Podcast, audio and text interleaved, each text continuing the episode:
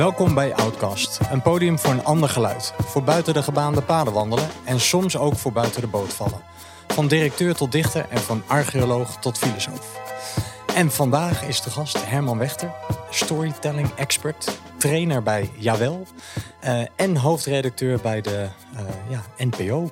Eh, en eigenlijk, ik zag al op je LinkedIn-profiel, vooral ook heel veel bij de EO gedaan. Dus Ja, klopt. programma's In dienst als. van ook nog steeds. Wat zeg je? In In dienst, van, ook nog Precies. steeds, ja. Meer dan goud, Jochem in de wolken. Ja. Vond ik zelf erg leuk, eh, maar dat komt omdat ik ook altijd erg om hem moet lachen.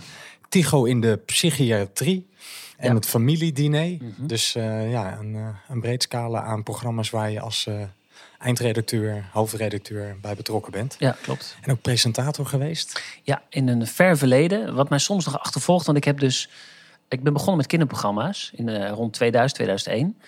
En eh, daarna heb ik allerlei andere wat meer inhoudelijke programma's gedaan, zoals de Kist, de interviewprogramma over de dood, wat eh, Kiva nu doet. En ehm, de, er is nu een generatie die nu aan het werk is ge- gegaan, die nu 25 zijn, die mij kennen als kinderpresentator. Dus dat is echt heel grappig. Dus ik, dus, dus ik was ondertussen vergeten. Ik was uit het collectief geheugen van de mensen. Behalve bij deze generatie. Want ik was echt elke dag op tv in die periode. Ja, want die, zijn, die waren toen kind. Ja. Toen ze het zagen, Ja. toen dachten ze, nou, dan, net zoals Irene Moors, dat Ja, was bij. Telekids. Ja, ja. En dan in één keer kom je later, twintig jaar later, zelf in zo'n context. En dan denk je, ik ken jou. Wat Ja. voel ik me toch vertrouwd bij jou? Ja, ik ken je. Het- en het is toevallig afgelopen week al twee keer gebeurd. Dat, dan iemand, dat ik iemand aan de te- telefoon had die zei... Ja, het is lang geleden dat ik stem heb gehoord. Maar ik luister altijd op, op, eh, naar, naar 3FM op zondagavond. En, eh, ja, het is echt, eh, en iemand die na twee keer... Iemand bij Nijrode, die nu de tweede keer dat ik haar weer zag, zei... Nu weet ik waar ik je van ken. Ja, ja, zo gaat dat dan. hè. Maar goed. Zo gaat dat dan. Dus ergens zit je in het geheugen van een hoop mensen Ja. verstopt. Ja. Nou, en vandaag deze podcast. ehm, en ehm, nou, je hebt een grote liefde en passie voor storytelling. Ehm, dus dit is eigenlijk ook eh, een plek om jouw story te vertellen. Eh, en tegelijkertijd ook gewoon iets te weten van welke impact wil je graag maken in je, in je werk. En je hebt muziek meegenomen. Eh, de opdracht was drie, maar het zijn er uiteindelijk gewoon toch vier nummers geworden. Je zegt, Ja. weet je, ik kan. het is heel lastig. Het is Ja. heel lastig. Ik zeg altijd tegen mensen die ik begeleid om het verhaal van de organisatie of van hun zelf als leider te vertellen: je moet kiezen. Ja, Verhaal is kiezen. Maar ik, vind dat, ik weet nu hoe moeilijk het is. ja, ja. Nou, we teach best what we need most. Absoluut. Dus waarschijnlijk eh, zit in je advies ook altijd een advies voor Ja. jezelf verstopt. Nou, en ehm, laten we even beginnen bij het begin. Mhm. In den beginnen schiep God de wereld. Hoe werd jouw wereld geschapen? Poef, mijn wereld werd geschapen als. eh, ehm, ik was een jongetje van eh, de middelste van vijf kinderen. Eh, in een eh, heel gewoon gezin. Echt heel gewoon. Een rijtjeshuisgezin. Letterlijk in een jaren zeventig rijtjeshuis in Dalfsen. Groeide ik op de eerste negen jaar van mijn leven. En ik was de eerste zoon in het gezin. En dat, dus ik had, nou niet dus, maar ik had, daar, ik had een wat andere positie, omdat mijn moeder uit een vrij traditioneel plattelandsgezin kwam, waar toch anders werd gekeken naar jongens dan naar meisjes. Daar heb ik met mijn zussen wel eens over gehad. Die, die hebben dat nooit zo grappig gevonden. Maar, ehm, dus, dus, dus ik was de middelste van vijf en het was een beetje een aparte positie. Ja, dus eh, voor jou zaten twee zussen. Jij was de middelste, de eerste jongen. Ja. En je moeder, eh, nou, nogal eh, klassiek geschoold op de boerderij. Mhm. En een, met een duidelijk verschil. Jongens zijn hiervoor bestemd en meisjes zijn hiervoor bestemd. Ja. Dus het was wel duidelijk toen jij uit haar kwam. Van nou, die heeft een andere bestemming dan de twee dochters die hiervoor uit mij Ja, zijn het is gekomen. natuurlijk invullen, want, eh, de- maar dat is wel een beetje hoe ik het gevoeld heb. Eh, en verder was ik als zo. Maar, waar, waar merkte je dat bijvoorbeeld aan? Ehm, nou, ik hoefde bijna niks te doen. Ik geloof dat ik op een gegeven moment als taak had schoenen poetsen. Dat deed ik dan heel af en toe. Maar mijn zussen moesten al vrij snel gewoon helpen met eh wc's schoonmaken en dat soort dingen. Ja, gewoon echt eh, het huishouden. Ja. Schoonmaken. Ja, dat is in ieder geval ook wat ik heb dat allemaal niet zo meegekregen. Maar dat is wat mijn zus later wel eens verteld hebben. Wij moesten veel meer doen en jij hoefde heel weinig te doen. En, en na jou, want je zegt je was de middelste, kwamen er nog twee zonen achteraan? Nee, eh, een zusje drie jaar later en een broertje zes jaar onder mij. En dat verschil is wel dusdanig groot dat je niet helemaal samen opgroeit. Ja. Ehm, maar eh, ja, dat, dat, eh, dat was het. En een heel, en dus we zaten, het was altijd vol bij ons in, in huis. Want ja, in een klein, eh, niet al te groot huis met z'n zes, eh, met z'n zevenen, dat is best, eh, best vol. En- En ik neem aan dat je dan ook geen kamer voor jezelf had. Heel lang niet. Volgens mij vanaf mijn puberteit of zo heb ik voor het eerst dat ik, dat ik op een gegeven moment een eigen kamer had. Ja, ja, ja. Ja, dat is dan anders, hè? Ja, dat, is, Ja. dat, is, dat was wel even wennen. En, de, en de, mijn vader was politieagent. Mijn moeder was heel lang huisvrouw. Tot, totdat ik een jaar of, ik denk 14 was, toen ging zij in de zorg werken. Ehm, ja, en het was, wij waren een heel eh, ja, gewoon gezin. Politieagent, huisvrouw en, ehm, en gelovig. Heel gelovig, ja. En wat, wat betekende dat in jullie eh, geval? Eh, dat betekent dat, dat kijk, ik groeide op in de jaren tachtig, waarin de ontzuiling eigenlijk al nou, zo'n beetje achter de rug was. Behalve bij de zuil waar ik toe behoorde, een mini-zeiltje, de vrijgemaakte gereformeerde kerk. En eh, dat was in die zin nog een zuil dat ik groeide nog op met. eh, we hadden onze eigen school, gereformeerde school. Eh, we hadden onze eigen kerk. En ik ging eigenlijk alleen maar om met, met mensen binnen de zuil. En in Dalfsen heb je ook een katholieke enclave. Nou, wij gingen echt niet om met de, met de katholieken. En zij niet met ons overigens, maar Nee, dus er was een duidelijk verschil. ja, elke zondag twee keer naar de kerk. Zo. Elke zondag. Ja, als de Heer roept, dan moet je, hè? En hij riep, Hij riep, blijkbaar. nou, ik dacht altijd, maar dat hebben we toch zelf bedacht? Maar Ja. dat was ik. Ja, waar, waar roept hij dan? En voor de tweede keer vandaag al. Ja, Waar komt hij vandaan? Ja, Ik hoor het niet. ja, dus dat was echt heel erg eh, uitgetekend. Dus ook, het, wij hadden de, de, de drie formulieren van enigheid. En daar stond dan onder andere, was dat de geloofsbelijdenis... waarin precies stond uitgelegd, eh, dit, dit is hoe het werkt. Dit is wat je behoort te geloven. We hadden catechisatie elke dinsdagavond. En dan leerden we de catechisatie uit ons hoofd. Dat waren vragen en antwoorden waarin heel helder stond uitgelegd... Instructief. dit is hoe het werkt. Ja, dit is waar je ja tegen hebt gezegd. Waaruit bestaat eh, uw ellende, is eh, de eerste, uit de wet van God. Dus door de wet leer je ellende kennen. Nou, dat soort dingen leer je gewoon. Ja, ja. Hey, en het eerste nummer, ehm, die eh, komt uit Matthäus Passion. Ja. En die eh, symboliseert ook wel deze dubbelzinnigheid waar je uit Ja. voortkomt. Ja, ja het is een he- het is, hij is heel mooi dubbel, want eh O houdt vol bloed ontwoende. Eh, hij zit in de Matthäus Passion. Hij schijnt veel ouder te zijn. Eh, en dat, dat, wat ik mooi aan vind, is het is prachtig. Ik vind het echt heel mooi.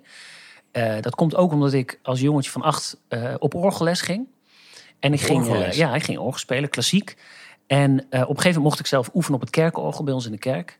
En ehm, dat vond ik op een gegeven moment heel saai worden. Maar wat ik wel echt geleerd heb, is de liefde voor mooie muziek en mooie settingen. En ehm, eh, daarvan, en ik weet nog dat ik deze ooit een keer speelde zelf. Toen moest ik die instuderen. Ja, het was prachtig. Prachtig.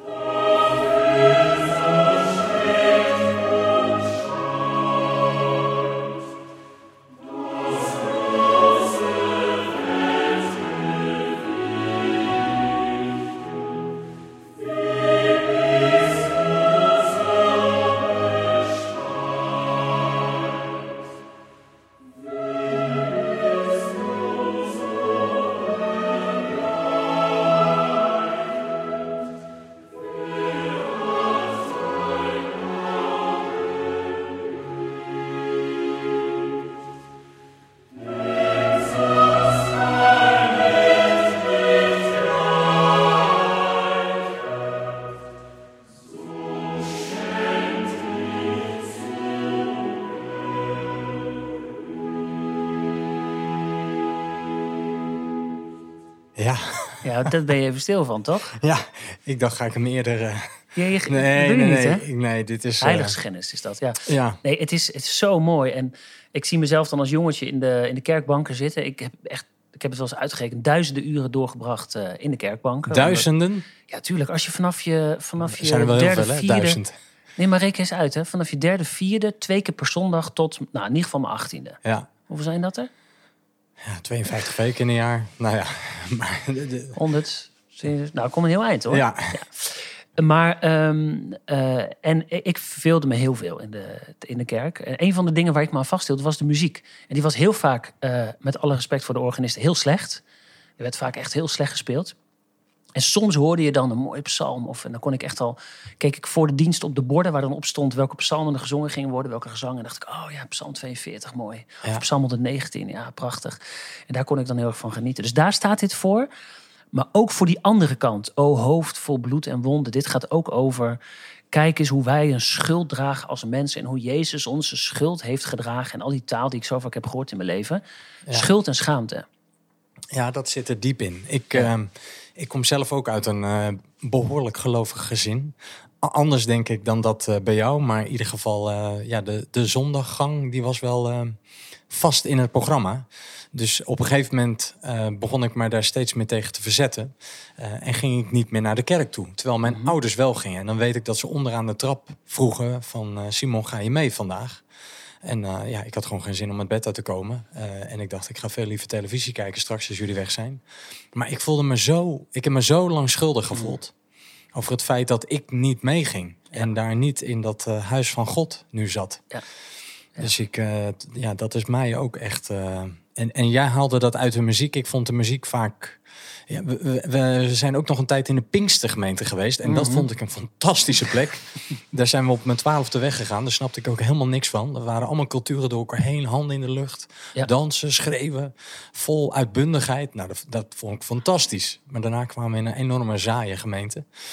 Maar eh, ik vond die verhalen in de Bijbel, dat waren mijn afleiding. Dus ik heb Ja. die Bijbel keer op keer, heb ik die weer, vooral het Oude Testament, heb ik heel vaak eh, heb ik dat gelezen. Ja, maar de grap is dat het tijdens de diensten waar ik altijd bij zat, in de gereformeerde kerk, maar vrij weinig verhalen. Er werden wel verhalen verteld, maar het was vaak een theologische beschouwing. Ja, En, eh, want de verhalen ken ik meer van de, van de, van de school. Ja. Daar vertelde de meester de verhalen over David en Goliath. En Ja. dat vond ik eh, fantastisch. Ik ging ook wel eens lezen in mijn bijbeltje in de kerk. Maar, maar, maar voor mij is dus dat hele dubbele van de, de schoonheid van de muziek. Maar ook die, die deken van schuld en schaamte. ja.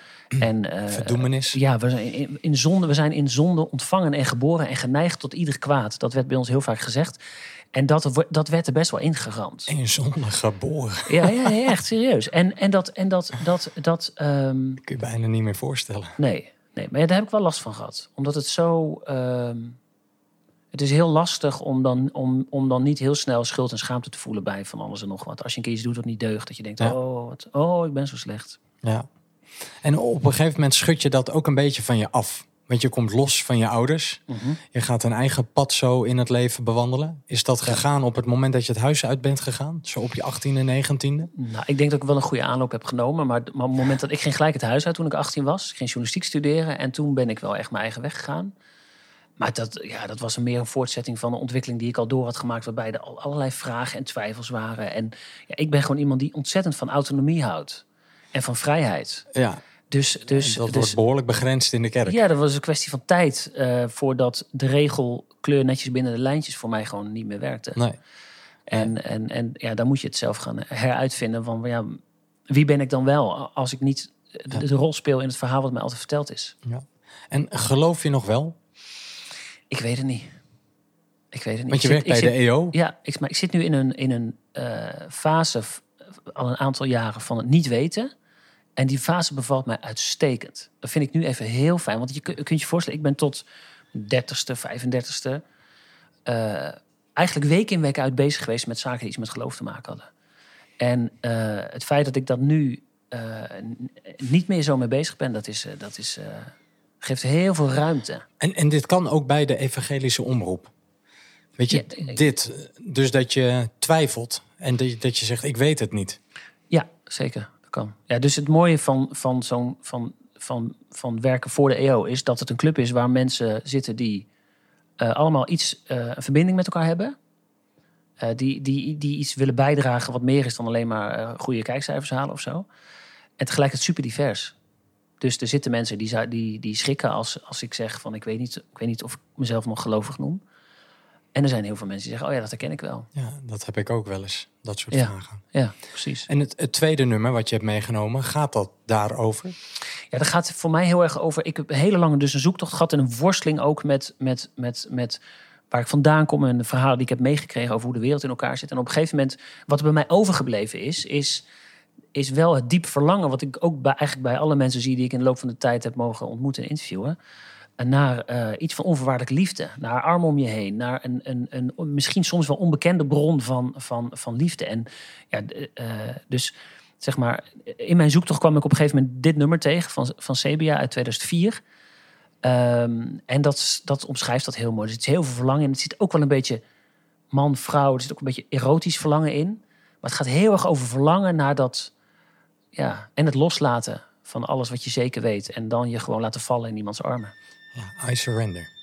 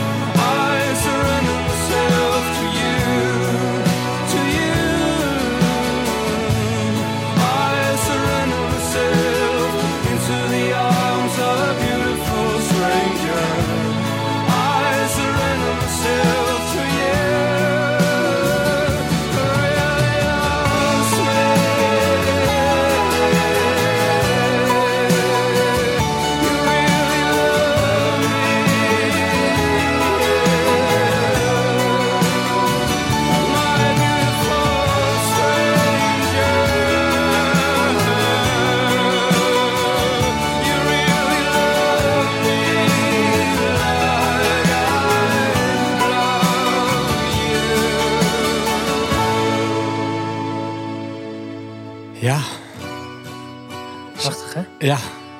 Nog wat laatste tokkels aan, de, aan het instrument. Ja.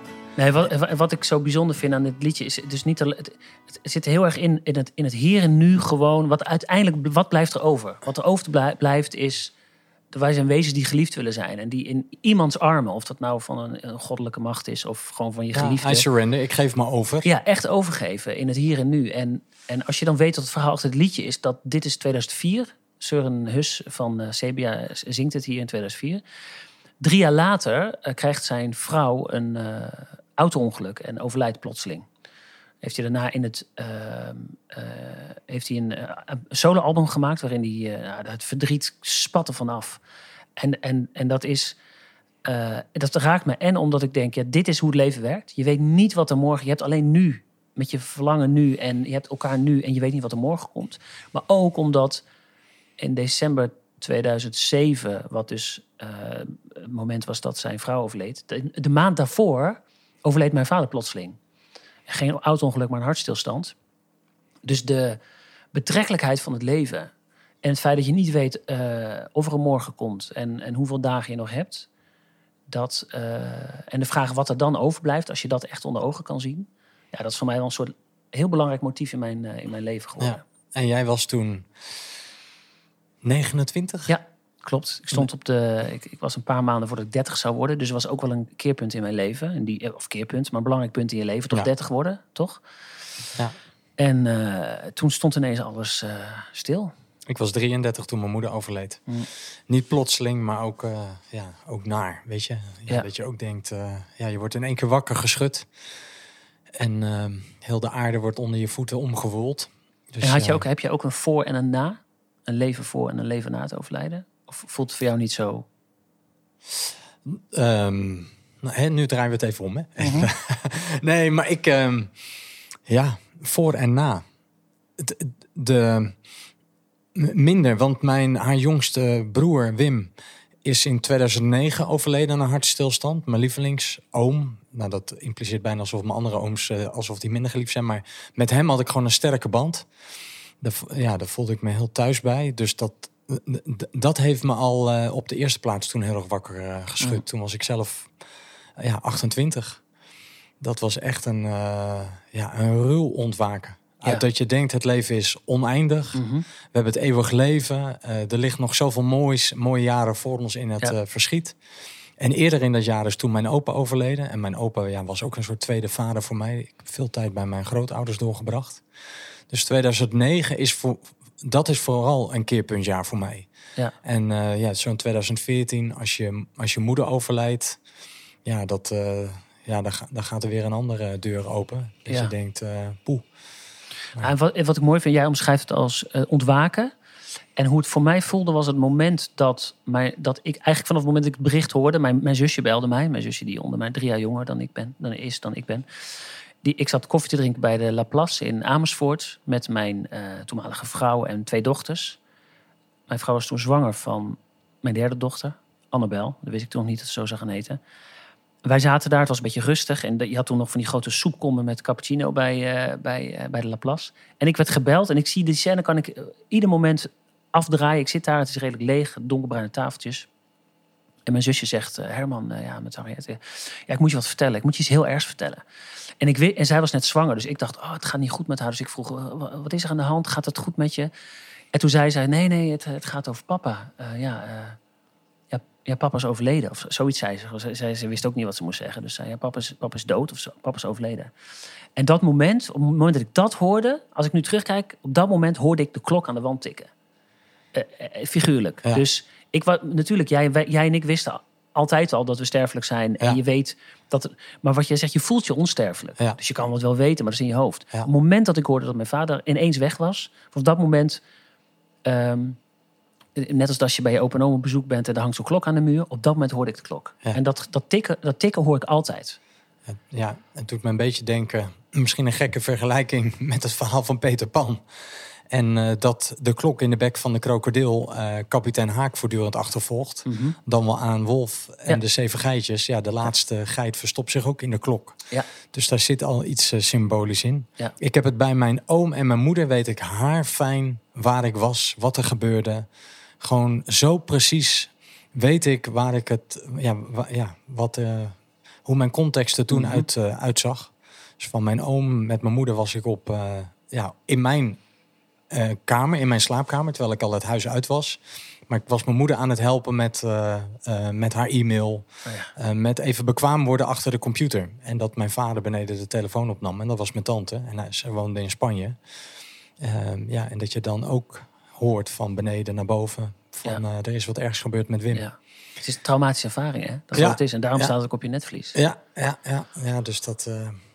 ja, before en after. Ik vond ook in dat nummer van Sabia. In the arms of a beautiful stranger. Ja, Dus daar zit ook dat strange, dat vreemde, dat Mhm. onbekende. Dus het is ook eigenlijk je overgeven aan, het, aan die vreemdeling. Ja.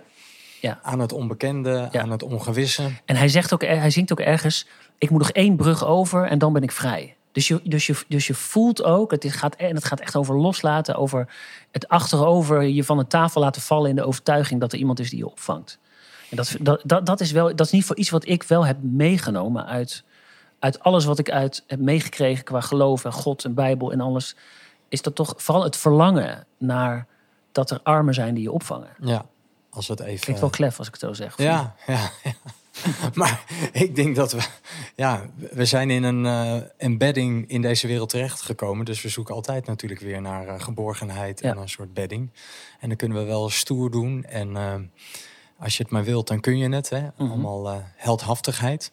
Met dat soort beelden ben ik natuurlijk ook opgevoed. Dus met de eenzame held die zijn eigen boontjes dopt. Ja, en zich vooral niet kwetsbaar opstelt. Want het gaat over kracht, over eh, daadkracht en over moed tonen en lef. Ja, dan... eh, de- de- daar zullen wij af en toe ook nog wel last van hebben als we dit soort kleffige dingen met elkaar uitwisselen als twee mannen aan tafel hier. En tegelijkertijd ja, zijn we ook allemaal kind. Zo is het. Ja. ja. Hey, en, en ik, eh, misschien geforceerd, ik twijfel ook. Want hoe, hoe ben jij dan dat vak ingerold? Want ik merk het nu al in zo'n gesprek met jou. Hè, hoe je verhalen beschrijft en die ook voorleeft en doorleeft. Dus hoe, hoe ben je dan in dat storytelling? Of zat het er altijd al in? Ja, allebei eigenlijk. Dus het zat, ik ben er pas later achter gekomen dat, dat het altijd de rode draad in mijn leven is geweest. Vanaf het moment dat ik in groep eh 8 meester Potstra een verhaal vertelde. En ik om me heen keek en dacht, wow, wat gebeurt hier? Iedereen wordt stil, iedereen houdt zijn adem in. Ik verveelde me te pletter op school, behalve als we gingen lezen uit Holland onder het Hakenkruis van Piet Prins. Over een Nederlands gezin die een Joodse jongen als onderduiker had. En hoe die, jongens, eh, eh, die jongen vrienden werd met de zoon van het gezin. En hoe zij allerlei avonturen beleefden. Eh, eh, als ik naar de A-team keek, naar Night Rider, naar Airwolf. En ik voelde dat ik gewoon... Fantastische Ja, programma's. fantastisch. Hoe ins- inspirerend in de zin van, dan ging je naspelen met je vriendjes. Wie was dan eh, Hannibal en wie was BA? Ik was nooit BA, kan ik je vertellen. Nee, nee ik Maar- ook niet. Nee, maar, maar ehm, eh, eh, dus, en ik, ik wilde eigenlijk held worden. Da- Dat was, ik was geïnspireerd door de verhalen en door de helden. En, en zeker door de eenzame helden, zoals jij die beschrijft. Ja. En ik denk dat wij daar, ons verhaal daarin een beetje parallel loopt. Ja. Ik voelde me ook de eenzame held. Maar ik wilde dus wel, misschien ook wel als eerste jongen en de plek die mij werd toebedeeld, eh, held zijn. En, ehm, maar daar had ik fysiek niet de capaciteit voor. Dus, ehm, maar ik kon wel goed leren. Dus eh, ja, dat, ja, op een gegeven moment ben ik bij journalistiek uitgekomen. Achteraf gezien heel logisch, want ik wilde gewoon de wereld eh, over en verhalen gaan, gaan vertellen. En toen ben ik bij tv gaan werken. En, en op een gegeven moment ook vrij snel begonnen met trainingen geven in bedrijfsleven, communicatie, mediatraining. En dat werd steeds meer leiderschap, organisatieontwikkeling. En op een gegeven moment keek ik om me heen en toen dacht ik, hé, hey, het gaat allemaal over storytelling. Ik ben gewoon elke dag met verhalen bezig. En dat hielp heel erg, want daardoor kon ik me daar veel meer nog in gaan verdiepen. Dus ben ik studies gaan doen, ben ik eh, eh, onderzoeken gaan uitpluizen. Want er zijn ongelooflijk veel onderzoeken die ons vertellen hoe storytelling werkt en waarom het werkt. Ja, je bent ook bezig om er een boek over te Ik schrijven. ben zelfs bezig met een boek. Dat is altijd heel gevaarlijk om te zeggen. Er zijn een hele hoop mensen die een boek, die een boek aan het Ja. schrijven zijn. En het boek komt nooit uit. Eh, of die uitkomt, je zult het zien. Maar, ehm, en, en, en langzaam ontdekte ik gewoon, heel kort door de bocht geformuleerd... als wij vissen zouden zijn, dan is storytelling het water waar wij in zwemmen. En, en dus het is niet alleen mijn passie, maar het is overal relevant. Of het nou gaat over de tv-programma's waarvoor ik verantwoordelijk ben... Of eh, als ik met een organisatie eh, bezig ben die met een strategieplan bezig is. Het gaat altijd over verhalen. Ja. Is dat antwoord op je vraag? Nou ja, ik, ik eh, vermoedde al zoiets van het is met de paplepel ingegoten. Ja. Ehm, en dat, ja, dat gevoel van aan, aan iemands lippen hangen als iemand een verhaal vertelt. Ja. En vooral ook als het uit het, ja, uit het hart, maar dat klinkt bijna ook weer zo zweverig is. Hè? Want je kent wel de verhalen dat je Mhm. denkt, nou dat wordt gewoon een beetje kunstmatig verteld. Ja, als het resoneert. Volgens mij is dat het. Als dus het als raakt. het trilt bij degene die Ja. vertelt, trilt het bij degene die luistert. Ja. Dat is echt bizar hoe mooi dat werkt. Ja, ja nee, dus ik, ehm, dat geeft zeker antwoord op de vraag. en een end has a start. Ja, het is op zich een mooie brug. Want ehm, ik vind de editors fantastisch. Ik eh, ontdekte ze op een gegeven moment, dat was al heel lang geleden. En, eh, en, en, en dat heeft iets te maken met de energie. Er zit een soort voortgang in die muziek. Eh, eh, eh, dit nummer zeker ook. Maar ehm, ook in, het is ook wel een beetje een nummer met een boodschap. Dus een is, elk eind is een begin. Ehm, en wat ik heel mooi vind aan dit nummer, maar, daarvoor moeten we misschien eens even luisteren, is de combinatie tussen een stuk supernuchterheid en hoop. Nou, ik, ik ben benieuwd. We gaan er naar luisteren.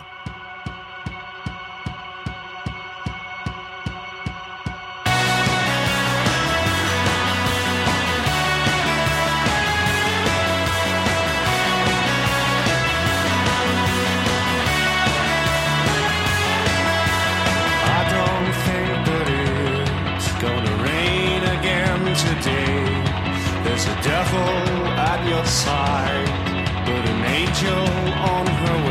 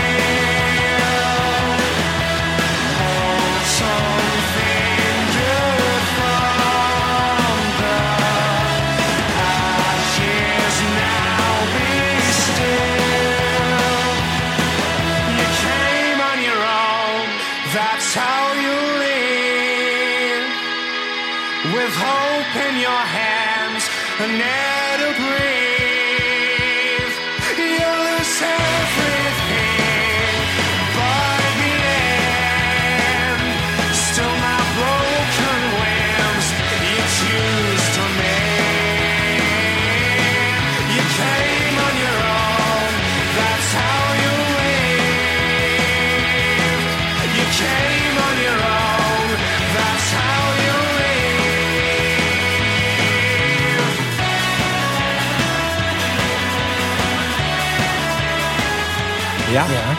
You came on your own, that's how you leave. Ja, you came on your own. And the devil is on your side and an angel is on his way. Ja, dus ik vind dat dubbele zo mooi. Eh, het, het is, de muziek zegt, het gaat heel, de, de, de muziek ademt heel erg beweging en vooruitgang. Dus dat, spreekt, dat past heel erg bij hoe, wie, wie ik Ja, er ben. zit tempo op. Ja, er zit echt, er zit, weet je wel. En, en het is aan de ene kant, het is niet eh, naïef, want het is, de over, ik, ik heb heel erg, in mijn script staat met dikke letters, uiteindelijk sta je er alleen voor. Dus, dus dat you came on your own, that's, weet je, je komt alleen en je gaat alleen. Dus dus in, de, in, de, in de belangrijkste momenten van je leven ben jij dezelfdegene die het doet. Ik heb ook moeten leren dat ik niet alleen hoef te doen. Maar die overtuiging zit heel erg. En tegelijkertijd, ja, maar alles wat in het diepste donker, dus als iets helemaal eindigt, begint er ook iets nieuws. Dus, dus dat, dat is voor mij echt een soort. eh, dat dubbele, dat, dat, dat beweegt me heel erg. Dus ook als je kijkt naar de programma's die ik maak, als je kijkt naar de training die ik geef, wat mij drijft, is de diepe overtuiging dat het leven is zoals het is. Super eindig, eh, kwetsbaar, Af en toe eh, kloten. af en toe kloten. Ehm, en tegelijkertijd er is zoveel mogelijk. Zo, ik geloof, en the sky is the limit is een verschrikkelijke zin. Ja. Maar ik geloof dat er zoveel mogelijk is en dat er zoveel bloei mogelijk is. En, en dan niet ondanks de zwarte kanten van het leven, Maar dankzij. maar dankzij. Want daar waar, weet je, aan de rand van de afgrond gooi je de mooiste, bloe- mooiste bloemen. Ja, ja je, je zit goed in je volzinnen vandaag. Nou, en, en, en- en en- in beeldtaal. Dus Ja, dat Ik storytelling... hoor mezelf spreken. Ja. Ja, ja dat, zit er nog maar, ja, dat, ik, eh, en ik herken het, want we hebben allebei tijd in die kerk doorgebracht. Dus we zijn gevoed met dat rolmodel achter het spreekgestoelte. Ja, dus ik kan ook niet, of dan gaat in mijn trainingswerk of eh, in mijn tv-werk, ik kan niet iets doen gewoon om iets goed te doen. Of, dus het moet, wel er, het moet altijd ergens toe doen. Dat is denk ik wel een soort klap van de molen die, die, die, die niet meer weggaat. Wat Nou, ik en- fijn vind hoor. Maar, En ook een soort zendingsdrang. ja, Snap je? Ja. Dus eh, de zendeling, de apostel. ja, Ehm, ja, weet je, en dat is ook steeds laveren tussen wanneer dien ik daarmee Ja. en wanneer is het beter om af en toe gewoon mijn mond dicht te houden Ja. en dat iemand anders wat te zenden heeft Ja. naar mij toe. Dus hoe, hoe doe jij dat? ja. ja, dat is iets meer jouw thema dan mijn thema, Oké, denk ik. ja, ben ik nu aan het projecteren? Zit je overdracht? Nee, zeg je, dat mag. Nou, ik, ik ken het wel. Alleen wat bij mij helpt is, ik ben ontzettend nieuwsgierig. Dus... Ik niet trouwens. Dus, Nee, nee, nee, nee. Ik zeg niet, dit is niet een soort vergelijkings, eh, vergelijkend tussen Grapje jou mij. Nee, maar dus, dus mijn nieuwsgierigheid wint het heel vaak van mijn zendingsdrang. Ja, Dus ook omdat ik heb geleerd en ik heb niet in de luxe gehad om in de loop van mijn eh, tv-carrière iets van 15.000 interviews zo te doen. Eh, Ik heb het nooit geteld, maar ik zit zeker aan dat aantal. hoeveel? Sorry, ik luisterde. 15.000 of zo. Ja, dat is wel immens. Echt heel veel. Maar dan heb ik het ook over kleine interviews op straat voor het programma Geloof en Hoop Liefst, wat ik Ja. lang gepresenteerd heb. En, en, en, het, en de, het geschenk daarvan is dat ik altijd heb geleerd dat ehm, er, bij, bij iedereen een mooi verhaal zit. En daar ben ik zo nieuwsgierig naar geworden dat, dat, ik, dat mijn zendingsdrang in die zin wel meevalt. Eh, of dat houdt mijn zendingsdrang in toon. Laten we het, daarop houden. Ja, Denk ik, balans. zeg ik. Maar het- misschien... eh, Ja, ja, heb je ergens zo'n roze bril Ja. hoe je eigen devil on your side beoordeelt. Dat zou... Dat, precies, precies. Maar de angel is on his way. ja. En, en wat is de engel in jouw leven? Oh, dat is een goede vraag. Ja, ja. Ja, ik, het is heel cliché om dan gelijk aan mijn geliefde te denken. Ja. Maar dat is wel een beetje zo. Dat is wel echt een engel die ik op mijn pad ben tegengekomen op een onverwacht moment. En dat heeft mijn leven behoorlijk op de kop gegooid. En tegelijkertijd eh, kan ik wel echt zeggen dat... Weet je, de reden dat wij een goed stel zijn... is omdat wij elkaar kunnen zien... de beste versie van elkaar kunnen zien. Ook heel cliché, maar het is wel waar. Dus zij ziet in mij, als ik zie hoe zij naar mij kijkt... en hoort hoe zij over mij praat, ook tegen mij... denk ik, wauw, dat is dus wie ik kan zijn. En dat heeft, eh, dat, dat, dat heeft, heeft veel gebracht, ja. Ja, dus dat is de engel in jouw leven. Ja, in die zin. Een van de velen. Ja, precies. Oh, dat klinkt heel fout als ik het nu zeg. Dat kan Nou, ik mezelf voor zeggen. Maar nou, ik heb dus- namelijk vijf kinderen. En dat is, dat is Ja, er mijn zijn ook oudste meerdere dochter. engels in de, in de hemel. Nee, daarom, daarom. En ze hebben allemaal hun eigen, eigen engelenrol in, mijn, eh, in Ja. mijn leven. Dat is wel bijzonder. En de, en de duivel in je leven?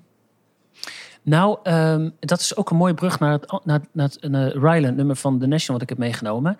Eh, wa- wat ik een groot bezwaar heb, vind, vond van het geloof waar ik mee ben opgegroeid, is dat, dat de essentiële zaken buiten jezelf liggen. Dus het goede komt van God, het slechte komt van de duivel. Terwijl een van mijn lessen in het leven is dat je, dat je, dat je het allebei bent. En dat, het, dat jij, dat, dat je. En in, in, het, in het nummer Ry- eh, Ryland zit een, een, een zin, daar werkt het nummer naartoe. There's a little bit of hell in everyone. Zeker weten. En, en als je dat kan eh, onder ogen kan zien, en, en, en uit de, de traditie waar ik kom, werd dat best wel weggepoetst. Ehm, dus ik heb echt moeite moeten doen om vanuit schuld en schaamte dat af te gooien en te accepteren. Dit is wie ik ben. Ik ben misschien voor een gedeelte een ideale schoonzoon. Zit ook echt wel een beetje in me, maar ik ben ook een klootzak. Ja. En die, die zie je niet zo snel bij jou, nee, dat ik. klopt. Dat klopt. Dat krijg ik wel vaker Je terug. komt dat, heel amabel en... Ja. eh, ja. Ben ik ook, maar ik ben ook eh, egoïstisch, vol oordeel. eh, die kant heb ik ook. maar dat kun je goed verstoppen. Nou, ja, ik verstop het minder. Maar, maar ik heb wel ontzettend geleerd om, om in, het, in het netjes binnen het kader te blijven. Ja. En dus aan de buitenkant. En, en, en als je dan 15 jaar presentator bent geweest, dat helpt dan niet mee. Dus dit is wel Hoe iets. helpt het dan niet mee? Omdat je dan zo ook weer ergens in een keurslijf zit... of in ieder geval in je rol van presentator Ja, zit. ik ben heel lang Herman, Herman van de EO geweest. En, dat, en daar ben ik me altijd van bewust geweest. Dus, dus, dus naar buiten toe laat ik de mooie kant vooral zien. Want dat hoort bij mijn professionele houding. Zeg ja. maar. En Dat ook is- het reclamebord Ja, die je dan... Ja. omdat je de EO vertegenwoordigt. Ja. Voortdurend. Ja, en, en de, de les in deze fase van mijn leven is dat ik die ik nu aan het uitvoeren ben, de les die ik heb geleerd, eh, eh, onder andere door de scheiding die ik ben doorgegaan, is ehm, als je echt jezelf wil zijn, als je echt tot ontplooiing wilt komen, als je echt wil doen waar je hart ligt, dan mo- moet je daderschap tonen. Dan kun je niet alleen maar eh, de, de pleaser zijn of, of een ideale schoonzoon. Ja, dan moet je ook durven om je handen vuil te maken. Vieze handen, Ja. zo, absoluut. Scheuren oplopen en Ja. af en toe uit de bocht vliegen in Ja. het contact met je partner, een klant, collega's. En niet alleen maar eh, ja, de lieve schoonzoon willen zijn. Nee, en ik geloof ook dat je echt een complete mens bent en meer ook echt jezelf kan zijn als je die twee, als je die polariteiten, Ja. het, goede, het goede en het kwade in jou, het licht en het duistere, als je die kan omarmen. Ja. ja, ik denk hel en hemel, die twee woorden lijken ook zoveel op elkaar. Alleen Ja. me, eh, de M en de E eh, zit er eh, erin. Dus dat suggereer ik een beetje met eh, het individuele. Ja. Dus dat eh, hè, de hemel eh, zit dan wat dichterbij. En die hel, hel, daar willen we allemaal niet in belanden. Nee. Weet je, in het vage vuur, in het helle vuur. Ja. Terwijl eh, ik zeg ook wel eens gekscherend tegen mijn vrouw: als ik eh, overlijd, dan mag je zeggen: Simon is naar het donker vertrokken. Hè, door dat nummer van Leonard Cohen: You want Mhm. it darker, you Ja. kill the flame. Ja. Terwijl, Ja. want we zijn zo geobsedeerd door het licht. En het moet allemaal zonnig zijn. En dan ga ik automatisch een beetje tegenhangen. Dat ik denk, het donker hoort er ook bij. Ja. En dan kun je ook enorm thuis in voelen. Ja. Mag ik nog één, één eh, kleine scène schetsen als inleiding op dit liedje? Nou, doe maar. En daarna zet ik het, eh, Ja. gaan we even luisteren. Ja. Ehm, ik was een paar jaar geleden in New York voor een opleiding storytelling aan de Columbia University. En ik was expres een dag eerder gegaan, omdat ik eh, de stad in wilde. En ik het heel fijn vind om alleen op reis te zijn. Dat kost wat als het gaat over daderschap, want dat betekent dat er iemand alleen achterblijft met de zorg voor de kinderen. Ja. En, ehm, en, en toen was er toevallig een concert van de National. En ik ben al, al jarenlang fan van eh, een fantastische band. Eh, nooit mainstream, eh, maar heeft Ik een ken hele... ze ook niet. Nee. Dus dat... Eh, heel veel best wel onbegrijpelijke liedjes. Maar prachtig. In een park in Brooklyn stond ik. Met een, met een biertje in zo'n plastic, eh, dun plastic eh, beker. Eh, de zon scheen nog een beetje, ging langzaam onder. Eh, de National stond te spelen. Om me heen allemaal mensen die dat ook mooi vonden. Wat echt fantastisch was om dat eens een keer mee te maken. En eh, toen speelden ze dit nummer. En dat was een moment voor mij van volstrekt gewoon gelukkig zijn. In het moment, met, eh, eh, met de muziek, met het nummer, met eh, mensen om me heen. ergens in een land waar ik niemand ken.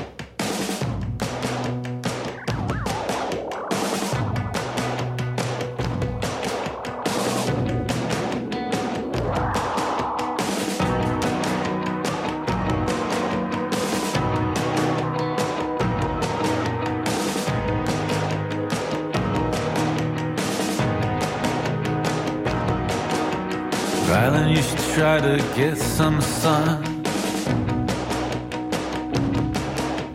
You remind me of everyone. Rylan, did you break your mother's heart? Every time you tried to play your part. Is it easy to keep so quiet? Everybody loves a quiet chime. Underwater, you're almost free. If you wanna be alone, come with me. Rylan, we can take the quick way out. We can turn blank white in a blank white house. Say that you're a pervert, you're a vulture.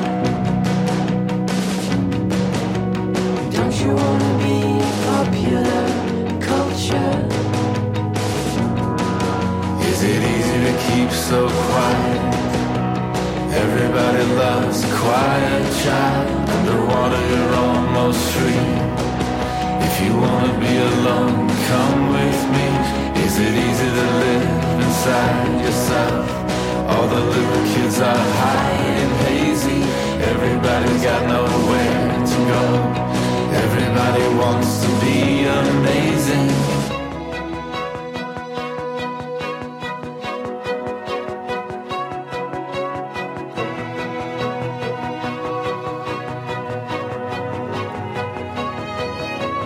Ryland, California's rotten. Dress light blue to be forgotten.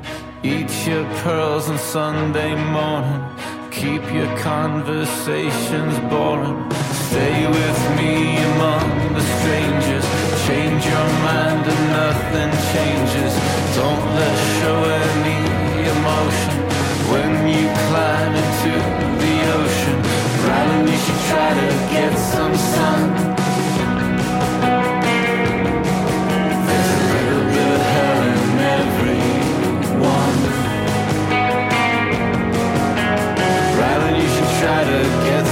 Sun.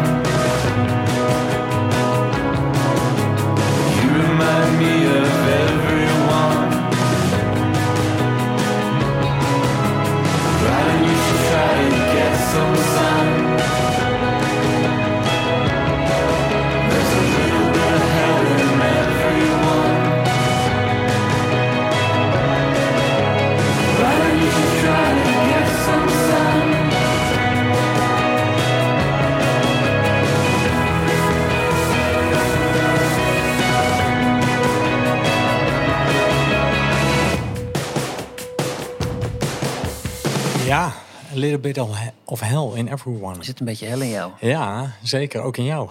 Zeker, absoluut. En ook een beetje hemel.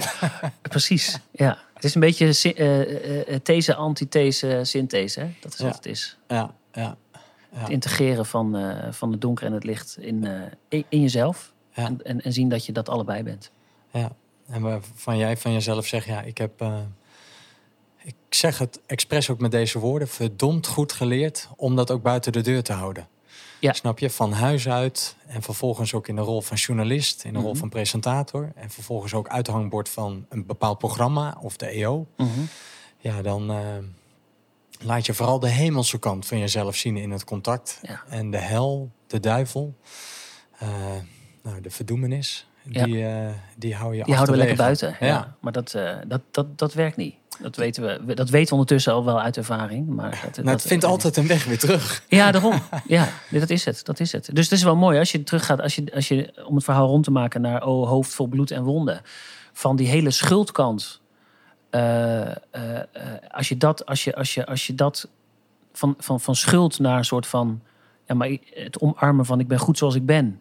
En, en dan dat soort van daar het daderschap in integreren. Dat is een soort, probeer het nu in woorden te vangen wat Ja, eigenlijk niet lukt. Nee, want dat, dan Maar- ga je automatisch ook weer ergens schuld opdoen Ja. in dat daderschap. Ja, dan, Ja. eh, dan, eh, ja, dan eh, je neemt initiatief. Ja, ja, misschien is de conclusie wel dat het, dat echt leven niet kan zonder een hoofd vol bloed en wonden. Zoiets. Nee, nee. En eh, butsen en builen. Ja. Ja, nou, en zo zijn we ook aan het einde van, van deze podcast gekomen. Dan wel van jouw story to tell. En jouw levensstory eh, in die zin. Eh, maar ja, dat is 45 minuten natuurlijk veel te kort voor. Maar het is wel mooi om zo langs de liedjes die je hebt uitgekozen... nou, daar even ja, zo langs heen te reizen. Hm. Wat, wat, wat neem jij nou mee als we zo meteen de koptelefoons eh, op de microfoon zetten en afsluiten? Wat neem je dan zo meteen mee in je auto?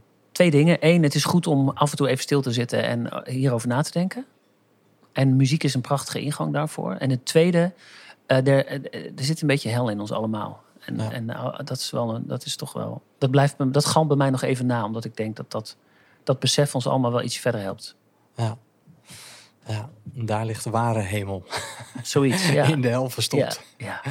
Ja, ja. Nou ja, omdat we allebei zo'n kerkelijke achtergrond hebben, is het voor mij natuurlijk ook zo'n gesprek met jou. Ja, dan moet ik een beetje oppassen dat ik dus niet aan projectie overdracht ga Mm. doen of mijn leven in jouw leven. Maar wat, wat neem jij dan mee van dit gesprek? Je mag één ding kiezen. Ehm, ja, ik denk toch die tijd. Die klok die je hoorde toen eh, je vader zo, eh, of toen Harriet, je zus, jou belde. Weet je, dat het even stilstaat. Of dat je aan me vroeg voor en na. En dat ik dacht, ja, had ik dat bij mijn moeder of had ik dat al eerder, toen bij mijn oom? Weet je, dat, was, dat raakte mij. Weet je, dat je, ja, dan ga je het zelf ook weer even herbeleven. Dat ik denk, ja, waar was ik toen? En eh, zo, hé, wat heeft me dat toen op losse schroeven gezet? Ja. Weet je, dat je voelt, eh, ja, dat was inderdaad eh, traumatisch om eh, mee te maken. Ja. Dus ja, dat neem ik weer mee in de dag. Eh, en, en ook dat ik me realiseer hoe leuk ik het vind om podcast te maken. Dus dat, nou, dan kan ik me ook lastig begrenzen om een keuze te maken om één iets te kiezen. Ja, dus dat zullen jij en ik allebei dat euvel hebben. Maar dat ik denk, oh, Ja. weet je, dat is wel eh, gewoon met muziek en zo jouw verhaal. En tegelijkertijd voel ik ook steeds, oké, hoe mijn eigen levensverhaal er ook natuurlijk in, eh, in resoneert. Ja, wat dat vind ik ook heel mooi. Dat vind ik ook mooi aan je podcast. Is dat uiteindelijk met alle vooruitgang die er is geweest in de afgelopen millennia, is wij we zijn uiteindelijk gewoon mensen die het liefst tegenover elkaar zitten en elkaar een verhaal vertellen. Ja. Er is niks aan veranderd. Nee, nee. Dus in die zin... Ook al is het nu met een koptelefoon en een microfoon in Ja. plaats van een haardvuur. Ja. Nou, we hebben wel een hardvuur op de achtergrond eh, zitten. Dat Oh, dat had ik nog helemaal niet knettert en knappert. Ja, nu het zegt. Ja, hier zo nou, in de hier- er is niks veranderd. Nee. Er is niks veranderd. In een herberg Ja, elkaar iets over je verhaal vertellen. Dat is wat het is. ja. En de hemel en de hel in jezelf eh, koesteren. Ja. Herman, bijzonder bedankt. Ik, eh, Graag gedaan. Ja, dit was leuk. Zo met de muziek. Ook. En eh, ook de verscheidenheid van muziek die je hebt meegenomen. En we gaan weer eh, op weg. Ja. Op weg. Eh, vuile handen maken. Samen op weg. Precies. En u bedankt voor het luisteren en tot de volgende keer.